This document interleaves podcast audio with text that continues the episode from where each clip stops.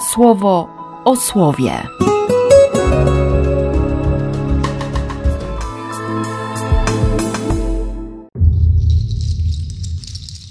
Siedemnasty stycznia, poniedziałek.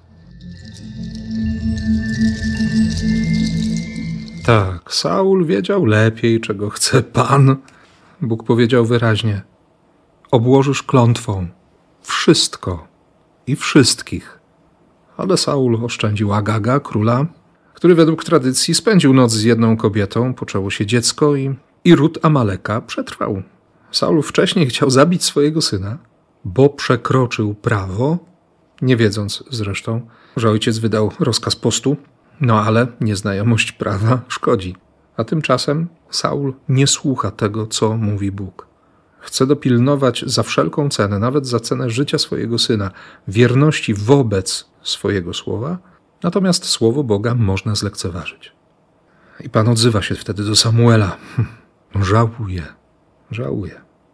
Saul przestał chodzić za mną, nie przestrzega moich słów. Nie wierzy i nie słucha. I jeszcze próbuje wmówić Samuelowi, że, że przecież on jest wierny, że przecież robi to, co, co Bóg chce.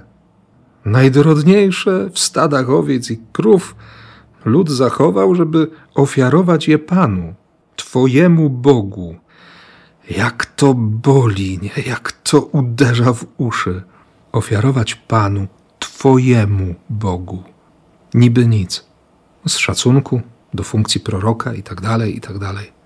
Ale to nie jest już mój Bóg. Tam się gdzieś pojawi jeszcze zaimek nasz.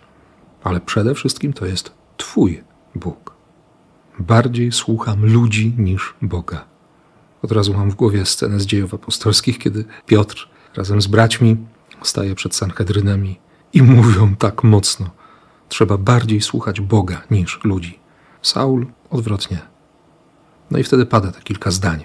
Czy Pan bardziej pragnie całopaleń i ofiar niż posłuszeństwa? Grzech nieposłuszeństwa jest złowieszczym znakiem. Sprowadza ból i udrękę. Za nic uznałeś słowo Pana. Niektórzy mówią, że, że Bóg tak traktuje naszą modlitwę, jak my traktujemy Jego słowo.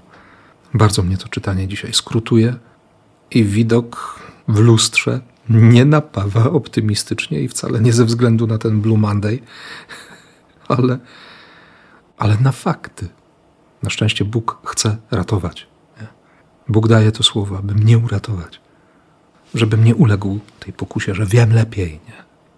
Dobrze, że jest Kościół, który się modli i który pokazuje właśnie tę drogę ku posłuszeństwu, ku łasce. I że to młode wino i świeże sukno po raz kolejny są dla mnie nadzieją.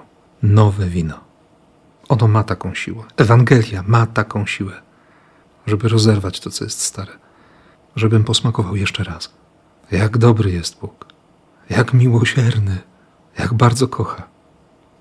Niech słowo, które dziś przychodzi, faktycznie rozerwie to, co stare. Rozpruje to wszystko. I niech da tę nową szatę, szatę zbawienia. I niech objawi siłę.